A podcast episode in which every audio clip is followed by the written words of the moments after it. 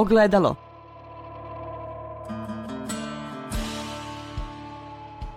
Podcast Autonomije.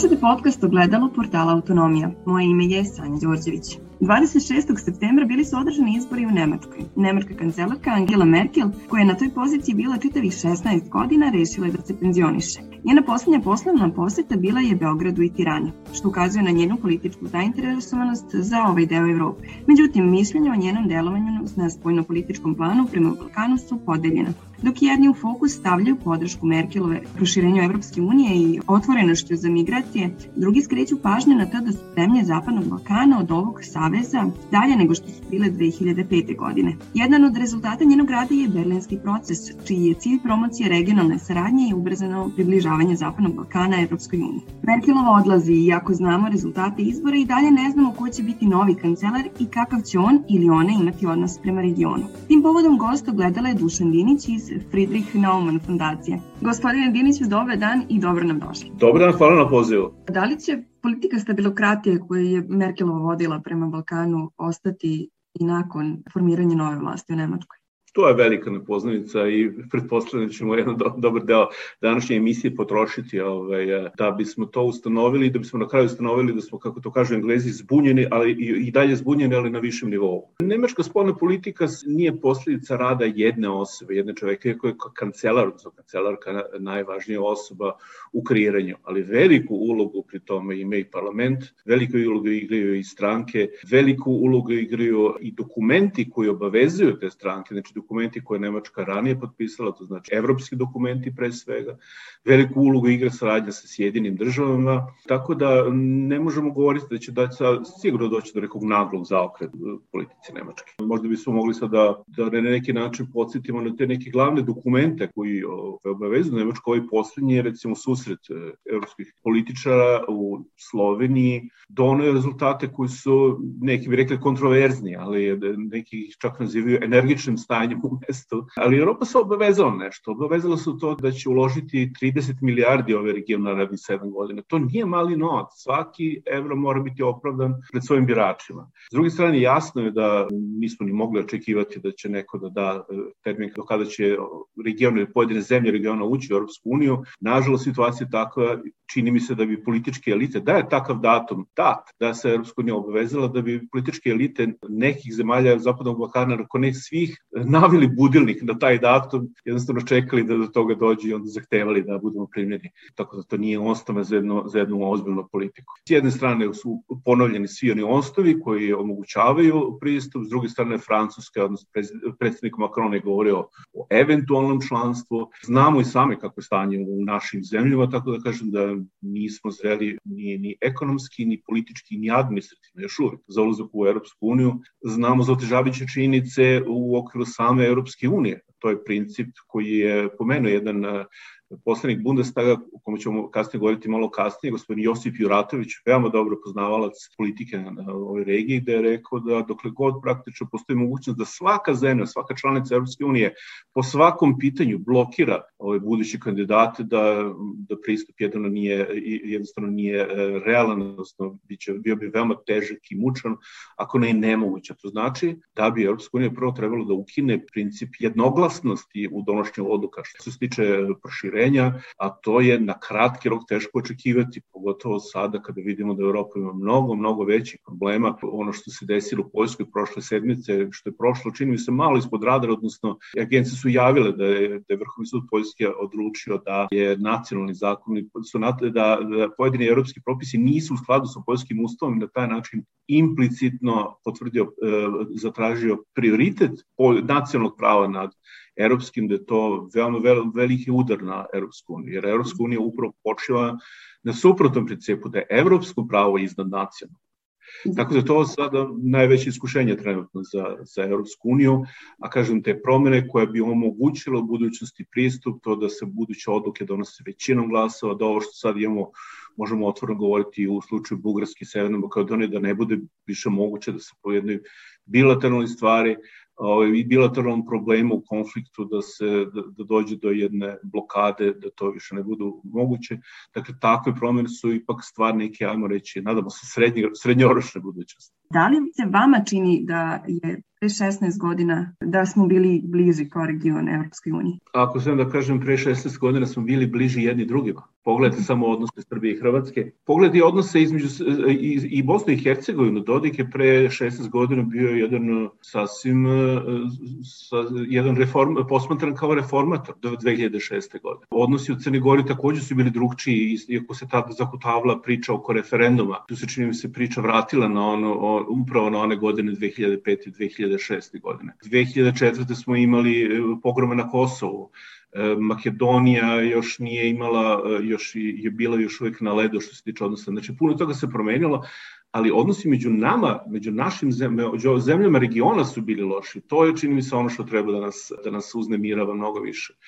A što se tiče Europske unije, da, 2004-2005. godine vladala još uvek ona euforija pristupa 10 članica, priča o tome da je Evropa prodisala i svojim drugim plućnim krilom. Ulazak Bugarske i Rumunije je bio isto tako u, u viziru, što bi rekli, u neposrednoj, u neposrednoj budućnosti i tu do nekog referenduma u Francuskoj 2005. u Holandiji, takođe 2006. čini mi se li tih godina, gde je odbijen Evropski ustav, odnosno predlog jednog Evropskog ustava iz potpuno različitih razloga, Holandijima je to bilo pre konzervativno, a Francuzima taj predlog bio pre liberalan, da je tu došlo do jednog polako, jednog lekog povetarca, zahlađenja, onda su krenuli i konflikti i u našem regionu, nekdo oko 2010.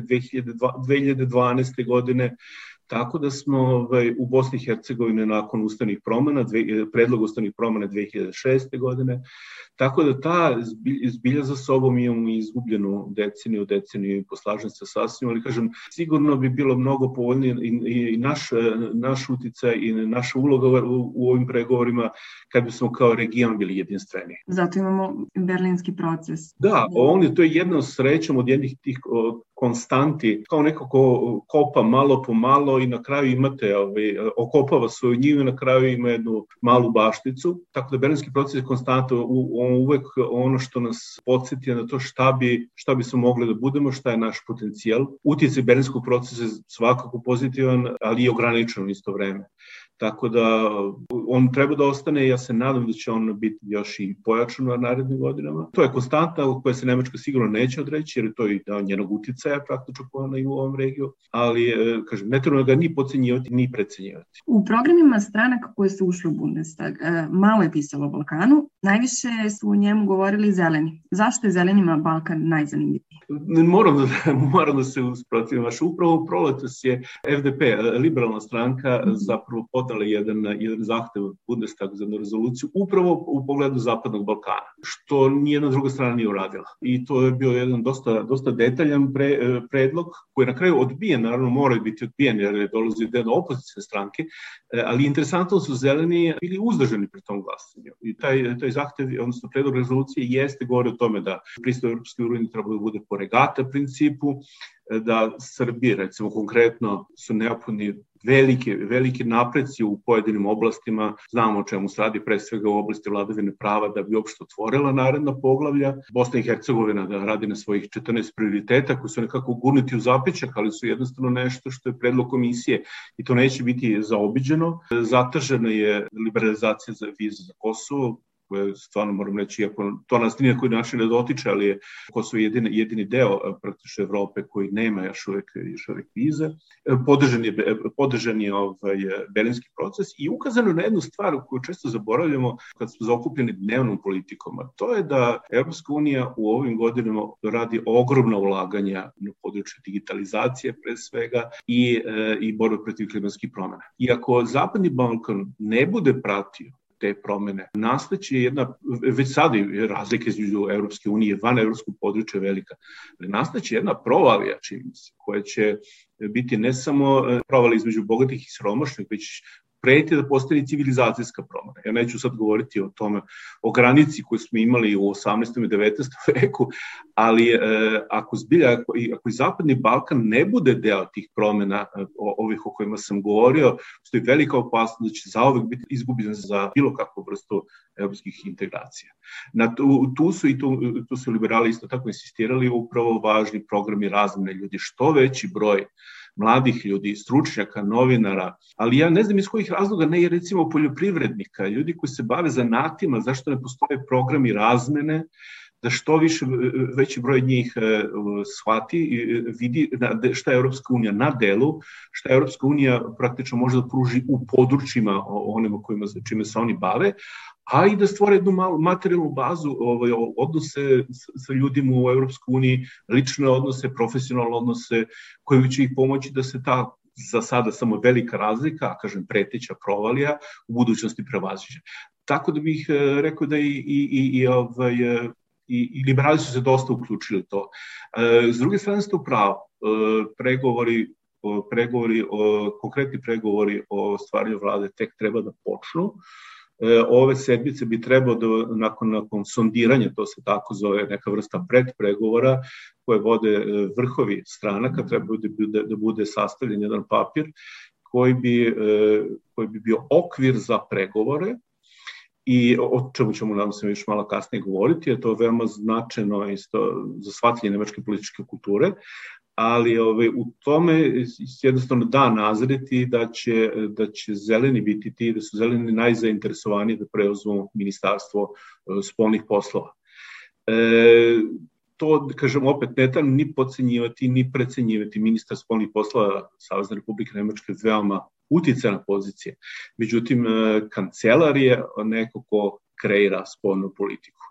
Sem toga, ovaj, ta nadležnost između e, spolne politike i evropskih pitanja takođe je podeljena između kancelara i, i ministra spolnih poslova, e, vrlo često na štetu ovog poslednjeg. Vrlo često kancelari su ti zapravo koji pregovaraju, koji donose, e, koji daju zadnju reč, koji su ti, tu da preseku Tako da, e, i pored, kažem, velike uloge koje će Zeleni imati, pogotovo ako e, postave ministra spolnih uslova, ne treba nikako pocenjivati ni ulogu kancelara. A što se tiče našeg regiona, e, vidite, ovaj, imamo situaciju da će da je u Bosni visoki predstavnik ovaj, iz redova demohrišćana direktno poverenik praktično Angel Merkel i taj čovek će ostati tu i u narednim godinama. I Nemci nemaju, nemaju, imaju, imaju praktično tu intenciju da e, spolna politika, makoliko je formirali kancelar i ministar spolnih poslova, na kraju krava sprovodio, da se ipak donosi u nekoj vrsti konsenzusa. Znači da, da neće, se da neće biti žestokih nekih zaokreta. Posmatrajući zelene, e, uočljivo je da su zeleni bili i ranije veoma angažovani, Na ovom području e, imaćemo i nekoliko zelenih poslanika koji dolaze iz, iz e, ovog područja. E, oni su bili i posebno angažovani na očuvanju e, jedinstva Bosne i Hercegovine, za liberalizaciju na Kosovu. U tom kontekstu su bili ne, još i kritičniji prema politici e, predsednika Vučića.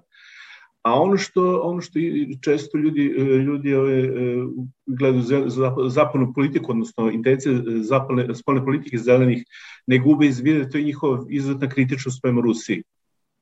I onda se često Srbija pada po te točkove, nažalost, da se posmatra kao neki saveznik ili polusaveznik Rusije koji hoće da uđe u Europsku uniju, ali je iz druge strane i, i, i ovaj, često poverenik Srbije, poverenik Rusije na, Zapadnom Balkanu, tako se posmatra, nažalost.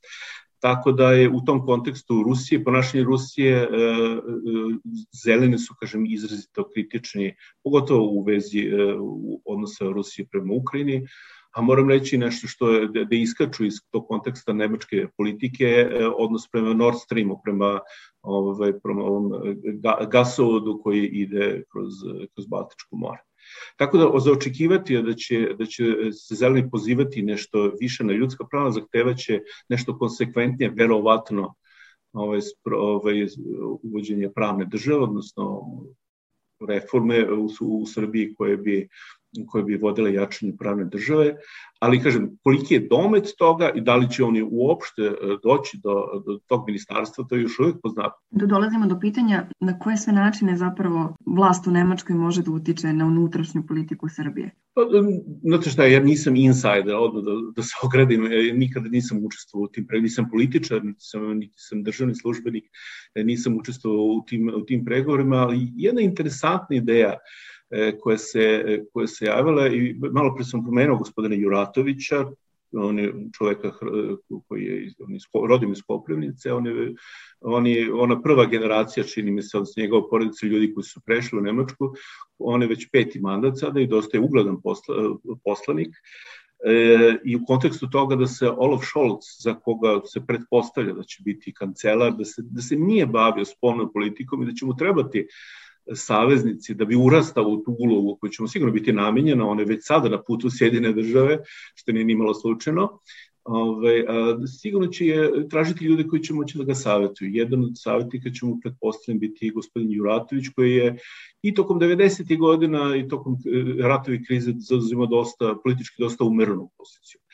E, on je on je socijaldemokrata i ali on se recimo zalagao pored te, te tradicionalne borbe protiv korupcije, zalagao se recimo za zajedničke udžbenike što sigurno neće biti, jednostavno zaustaviti taj tok e, nacionalizma, tu poplavu nacionalizma, makar i zaprečiti u, glav, u glavama mladih, mladih ljudi, koliko to moguće. Ali zahteva nešto što, e, što kod nas nije običano, to da parlamenti preuzmu veću ulogu. Znači, ne sa, on je rekao ne saradnja između gurua, nego saradnja između parlamenta treba da bude, ovaj, treba da bude izražena. I u, kom, u tom kontekstu bih, znači nešto šire, jednostavno pa, ono što, ono što premijeri i predsjednici kad se dogovori u Briselu mogu li ne moraju da nam kažu je jedna stvar, a druga stvar kada, to, kada imate desetine, desetine poslanika koji između sebe razgovaraju, iznose ideje, pregovaraju, E, samim tim raste i, i prisutnost zapadnog bloka, odnosno Srbije u, u, u Briselu, tamo da treba da raste, ili Berlinu, ili drugim glavnim gradovima, i, i obrnuto. E, interesantan je predlog koji se sada rodio o, opet u okrilju, moram da pomenih liberala, a to je da se 2014. godine, 24. godine, kad budu naredni evropski izbori u maju ili junu mesecu, da se i u Srbiji organizuju izbori, odnosno ne samo u Srbiji, već u zemljama kandidatima, to su u ovom trenutku samo Crna Gora i Srbija, a nadamo se da će biti i još poneka zemlja, recimo Makedonija ili Albanija, da se organizuju evropski izbori kao i u svim zemljama Evropske unije, da se izaberu ovaj, poslanici koji će e, učestvovati sasvim normalno u radu parlamenta, onoliki broj koliko otprilike otpada na svaku zemlju, to se veoma lako izračunati, to se zna, koji samo ne bi imali pravo glasa jer naše zemlje još uvijek nisu, kažem, zemlje Zapadnog Balkana još nisu člani Europske unije, ali bi učestvovali u radu parlamenta, govorili bi, e, podnosili bi predloge, samim tim bi u, u, glav, u ušima e, ljudi u Europske uniji e, ušlo u to da Zapadni Balkan, ljudi sa Zapadnog Balkana jesu deo zajedničke priče, a i ovde bi ti neki širi evropski problemi ove, zadobili veće interesovanje kod publike, jednostavno bi se, se makli iz ove naše perspektive zagledanosti u sobstveni pupak, posmatranje stvari samo iz sobstvenog ugla, jer Evropska unija upravo sve suprotno od toga. Kada ste u jednoj sobi sa 30, 20, 25, 30, sad 27, ali uskoro, uskoro kada uđemo u Europsku uniju 30 ljudi, onda morate da, da vodite računa o tome šta svako od njih misli, kako se ponaša, šta kaže, znači ne možete da e, kao što kod nas, nažalost, često u medijima slučaj da imate ove, ovaj, neku konferenciju ili neki sastanak bilateralni i onda čujete samo šta su rekli predstavnici naše vlasti a ne čujete šta je, šta je rekao sagovornik. E, to nema veze sa evropskom idejom. Tako da, e, kažem, to širenje baze i u kontekstu onog što sam malo prepomenuo, da što veći broj ljudi e, treba da ode, da na neko vreme e, živi, a to znači i kreiranje programa koji bi to finansijski podržali od strane Europske unije, da živi, da vidi šta je Europska unija, da, da te neke povezanosti koje su ranije postojale, da se očuvaju i da se dalje, da dalje ojačaju, to je, mislim, garancija, ove, najbolja garancija da će e, ta evropska priča kod nas nastaviti, da se, ne samo da se kotrlja, već da će kao ta jedna gru, mala grudva koja kako možemo simbolizovati naše učešće u radu EU sada, da će u jednom trenutku postati pa ne lavina koja ruši sve pred sobom, da će postati izbilja jedna realna priča. Desničarska stranka, alternativa za Nemačku, na ovim izborima dobila je nešto manje glasova nego na prošlim 2017. godine. To je dakle 10% građana koji podržavaju njihovu politiku. E sad, koliko oni mogu da sa ovim procentom utiču na odluke koje se donose u Bundestagu? Srećom nimalo srećom nimalo. Stranka AFD je narasla na nekim drugim pitanjima, ona je upravo narasla po pitanjima straha jednog broja Nemaca, e, da je priliv e, stranaca u Nemačku prevelik. To su strah, znate šta, mi ne možemo osuđivati ljude koji imaju strahove, ali možemo osuđivati i, i, i brige oko toga, ali možemo osuditi ljude koji time manipulišu. Ja sad ne, ne želim da odem predaleko, ali evo, iz mog krajnje ličnog ugla mogu da kažem da mi je izuzetno drago što su na ovim izborima kako tako, krajnja levica, tako kraj, i krajnja desnica e, doživjeli poraz. E, krajnja levica, odnosno stranka reći, bivših e, istočno-nemačkih komunista, dobila je dobila je, e, čak je dobila i ostala ispod 5%, nije ni trebala da uđe u parlament, ali zahvaljujući na izbornoj klauzuli E, po kojoj su one stranke koje dobiju više od tri, tri ili više od tri direkta mandata, znači pobede relativno većinom u tri izborne jedinice, a Nemačka je podeljena u 299 izbornih jedinica, one mogu da uđu automatski u parlament. Znači, oni su, izvukli su se zahvaljujući toj klauzuli. Što se tiče desnice, ona je poslednji put imala 12,6, 2% više glasova nego sada, E, iako je to i taj procenat 10, 10, 10 i po prevelik, jer e, nemački ekstremizam, je, desni ekstremizam je ono što uvek brine poučene iskustvom i Evropu i čitav svet, ovaj, e, iako i 10 i po posto to kontekstu jako mnogo, ipak moramo reći da je ta stranka i, i, i unutar sebe podeljena e, između ljudi koji koji gaje neke, neke ovaj, sentimente prema nekim danim vremenima, čiji na koje čito, e, e, celo čovečanstvo ne želi da se seća. I na onaj deo koji zbilja ide za ti, je, je, ima te motive da se ograniči iz, iz svojih, svojih strahova, da se ograniči priliv stranaca u Nemačku, koji sad, pretpostavljamo, znači ljudi koji imaju kako Nemci kažu, migracijonu pozadinu su četvrtina otprilike e, nemačkog društva. Neki od njih su, imaju nemačke pasoše, neki od njih nemaju. Znamo da Nemačka nema još uvek i ne, ne verujem da će imati skoro dvojno državljanstvo, mada postoje mnogi izuzeci iz toga. Ali, kažem, e, i ta stranka je podeljena između sebe i jednostavno ona je čak i više ostrahirana nego levica. Levica se čak i prihvata u nekim saveznim pokrajinama E, kao koalicijan kandidat, pogotovo u istočnoj Nemačkoj, u nekim saveznim pokrenima one su i najjača, najjača stranka, a dok se desnica, krajnja desnica, AFD ne prihvata nigde, ni od jedne parlamentarne stranke kao koalicijni partner. Oni su, kažem, doživjeli sada svoj vrhunac, oni su i, ja se nadam, lagano u, u, zalasku, e, i dosta, dosta će zavisiti od politike. Čini mi se da će, da će još opadati, možda samo moja nada, ali mi se čini, zahvaljujući tome, zahvaljujući tome što će CDU sada vrlo verovatno otići u opoziciju i kao takav samim tim otići malo udesno u odnosu na politiku koju je vodila Angela Merkel. Tako da će i jedan deo birača AFD, siguran sam, e, izgubiti prema demohrišćanima. Iako je bilo nek, puno ekstremističkih ispada, ali dobar deo stranaca je sada bolje integrisan. Nemačka mnogo, e, sada prihvata za razliku od 60. 70. i 80. godina, prihvata činjenicu da su to ljudi koji će ostati. Mi svi imamo u glavi onaj pojam Gastarbeiter, gost radnik, gost. Gost je neko ko dođe, ali i ode.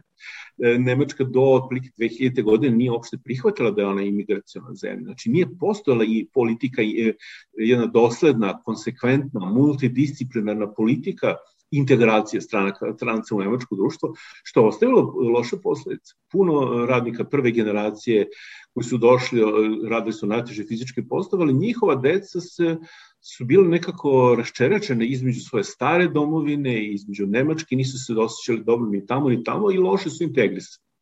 I to pokazuju brojevi, e, statistike. Ovaj, Nemci porede brojeve oni koji su, imaju maturu, recimo između ne, ne, onih koji nemaju migracijnu pozadinu, onih koji imaju, oni koji su zaposleni, nezaposleni, primaci socijalne pomoći, prekršioci zakone, tako dalje, tako dalje.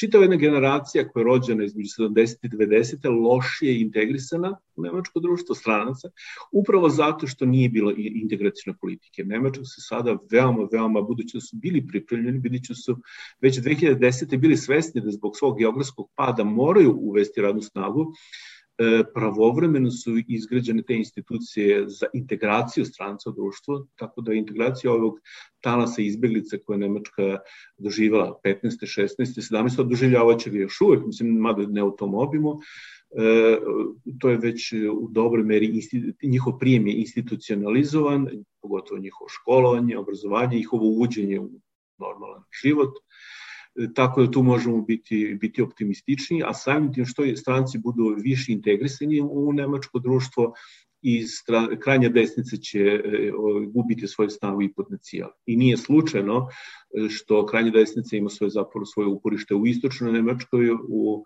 među onim građanima koji imaju manje iskustva sa, sa strancima. U zapadnoj Nemačkoj AFD e, nema toliko podršku, ali zapadna Nemačka se je već od 50. godina krenula praktično sa, sa reći, uvozom stranaca, tako da tamo biti stranac i biti integrisan u nemačko društvo nešto sasvim normalno.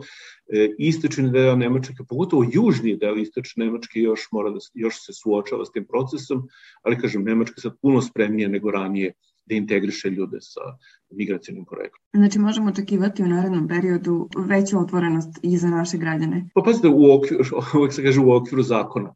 E, znači oni koji su došli, koji su tu legalni, a kažem potreba za radnom snagom suviše e, je sve, ve, sve veće i veće. tako, a s jedne strane, s druge strane, ja ne znam da li da se radujemo tom ili ne. E, dobro je da su naši građani e, dobro prihvaćeni, pogotovo oni koji su došli na legalan način ostali. Postoji jedan deo, to opet moram da govorim, koji, koji ima neku drugu pozadinu i često se sukobljava sa zakoni, toga moramo biti svesni, nažalost. I mislimo da, da saradnja naše države sa Nemačkom u buduće mora biti upravo na tom, u tom pogledu jača, jednostavno da bismo popravili naš rating, e, ugled naše, ugled naše zajednice u, u Nemačkoj. Ali što se tiče ove, e, e, to je jedna strana, znači e, dobrodošlica u Nemačku, s druge strane moramo biti svesni da i mi gubimo ljude, kvalifikovane ljude, što će se kad tad odraziti, odnosno već se odražava, probajte da nađete dobrog majstora u Novom Sadu ili Beogradu, ovaj, imamo manjak vozača, ti, ti manjkovi kvalifikovane radne snage će biti sve, nažalost sve veći i veći, Tako da je to druga strana medalje. Svakako, zato moramo da radimo na sledećim temama, prećemo na sledeću temu, a to je šta možemo naučiti iz nemačkih izbora. Pre svega, primetila sam da rezultati izbora nisu i zapravo nismo znali koji će biti rezultat pre nego što budu završeni izbori. Sledeća stvar je velika izlaznost. Zašto i šta znači kada je velika izlaznost građana na izborima? Pa, dobro, to znači poverenje u državu. To, izlaznost na izborima se, na izbore se, čini mi se sad negde stabilizovala i prošle ovaj put bila oko 76%. Ono u nekim, pre, u nekim vremenima zapadne Nemačke e, išla i do 90%. A, to su bili izbori iz 70. godinama kad su se zbilja raspravljala, kad su postale praktično stranci u parlamentu samo tri stranke ali onda kasnije pala na nešto iznad dve trećine, pogotovo je bilo veliko razočarenje u istočnoj Nemačkoj jedno vreme, ali mislim da ovo sasvim solidan, 76% je sasvim solidan ovaj, rezultat. Mislim da u Srbiji izlaznost negde 50, iznad 50%, zadnji put čak i nešto, nešto oko 50%. E, tako da s te strane, s te strane mislim da su Nemci zadovoljni time, iako je, kažem, stranka ne glasača još uvek najjača stranka u Nemačkoj ili među najjačim, sada nisam siguran da li su, da li su socijaldemokrati ili demohrišćane, ali ovaj, postoje razne akcije e, kako različite slojeve društva, program, kako slo, e, određene slojeve društva motivisati da uđu, ali jednostavno to je, to je volja svakog građana.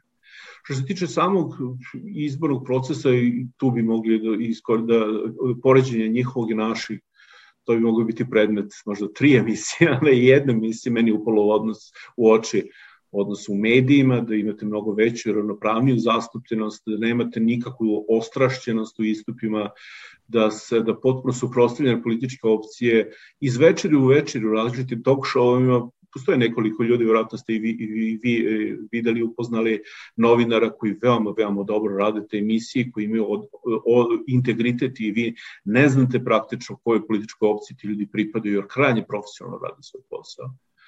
E, razliku u medijima, pisanim medijima isto tako, nažalost, razlika između e, neba i zemlja, vidimo, naš, spustili neki naši mediji, pogotovo to, to tabloidno novinarstvo.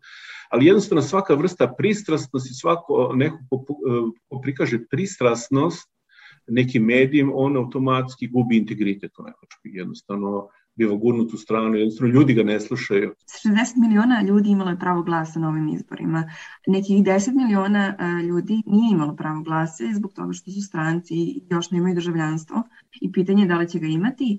5 miliona ljudi e, stranog porekla je ipak imalo pravo glasa, što znači da je imalo i pravo i da bude izabrano. Neki od tih ljudi koji su ušli Bundestag su i, ne, i naši ljudi. Na koji način oni mogu da utiču na odluke koje se donose u Kažem, to, uh, oni koji su ušli prvi put, sva, sva, recimo pomenuo sam već treće upomenje gospodina Juratovića, uh, koji je jedno od ljudi koji su zbilja, uh, iako ne delim neka, 100% neka politička uređenja njegova, ali je veoma, veoma utican čovjek i čovjek koji je kompetentan ovaj, takvi ljudi će pretpostavljam imati. Oni koji su ušli prvi put, e, tu je i poslanica, e, no, no izabrana poslanica Nemačkog Bundestaga Jasmina Hostert, koja je kao teško ranjena za vreme opsade Sarajeva, došla na lečenje u Nemačku i tu praktično izgradila svoju karijeru. Oni će imati neku svoju priču. Imamo i još jednog poslanika iz, iz Bosne i Hercegovine koji će se takođe zalagati za, za, za to da Bosna i Hercegovina bude više u žiži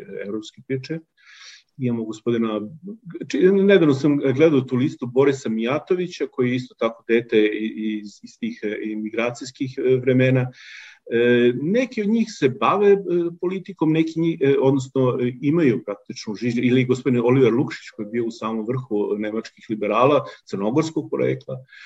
Imamo takođe čini se jedno ili dvoje, dvoje poslanika sa Kosova. Ovaj, to je malo, malo pikantno pitanje, rekao bih. Jednostavno, oni su, oni su se uspeli u jednoj, jednom okruženju koje nije njihovo etničko okruženje. I oni su samim tim ponosni na to. Recimo imate predsednika, donedavno predsednika zelenih Čeme Ezdemira, koji je bio veoma utican političar, političar i još uvijek je veoma, veoma utican, iako nije na, na, na, na, na, na poziciji ovaj, predsednika stranke, ali on je veoma kritičan prema Turskoj. Recimo, prema Erdoganovoj politici, prema politici neosmanizma i svega onoga što, dolazi u Tursku i jednostavno nespremnosti Turske da se otvori nekim modernizacijskim kreativima. Tako da imaćete e, od čoveka do čoveka i gospodin Jurotović recimo bi dosta kritičan prema hrvatskoj politici u 90. godina, 2000. godina početku. E, tako da imaćete one koji će se, ajmo reći, identifikovati sa svojim sredinama i od snage njihove argumentacije zavisi da li će oni u Nemačkom Bundestagu biti biti e, shvaćeni kao neki most između njihove zemlje i Nemačke, ali zastup, od koji se očekuje da zastupaju nemačke interese. Tako da njihov utjecaj će svakako postojati, njihove sposobnosti da konkretnu stvar za koju se zalaže predstave kao interes Nemačke, e, od tog, te njihove sposobnosti će i zavisiti koliko će biti u stanju da, koliko će ovaj, koliko će biti prihvaćeni.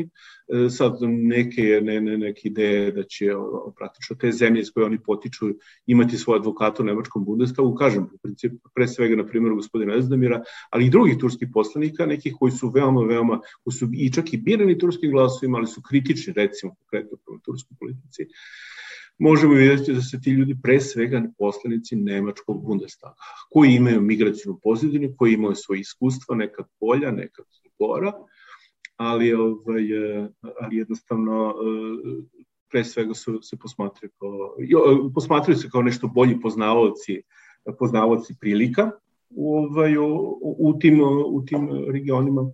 Ali se isto tako posmatra da li zastupaju, Nemci posmatraju e, u tim očima, da li zastupaju svoje interese, zemlje svog porekla ili zapravo nemački interese, što se od njih kao, kao poslanika u Bundestagu očekuje.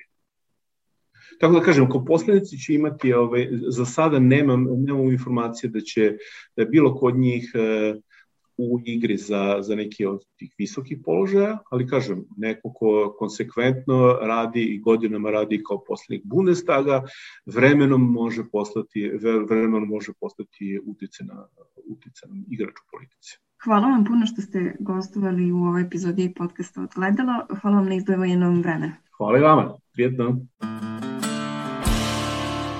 Ogledalo.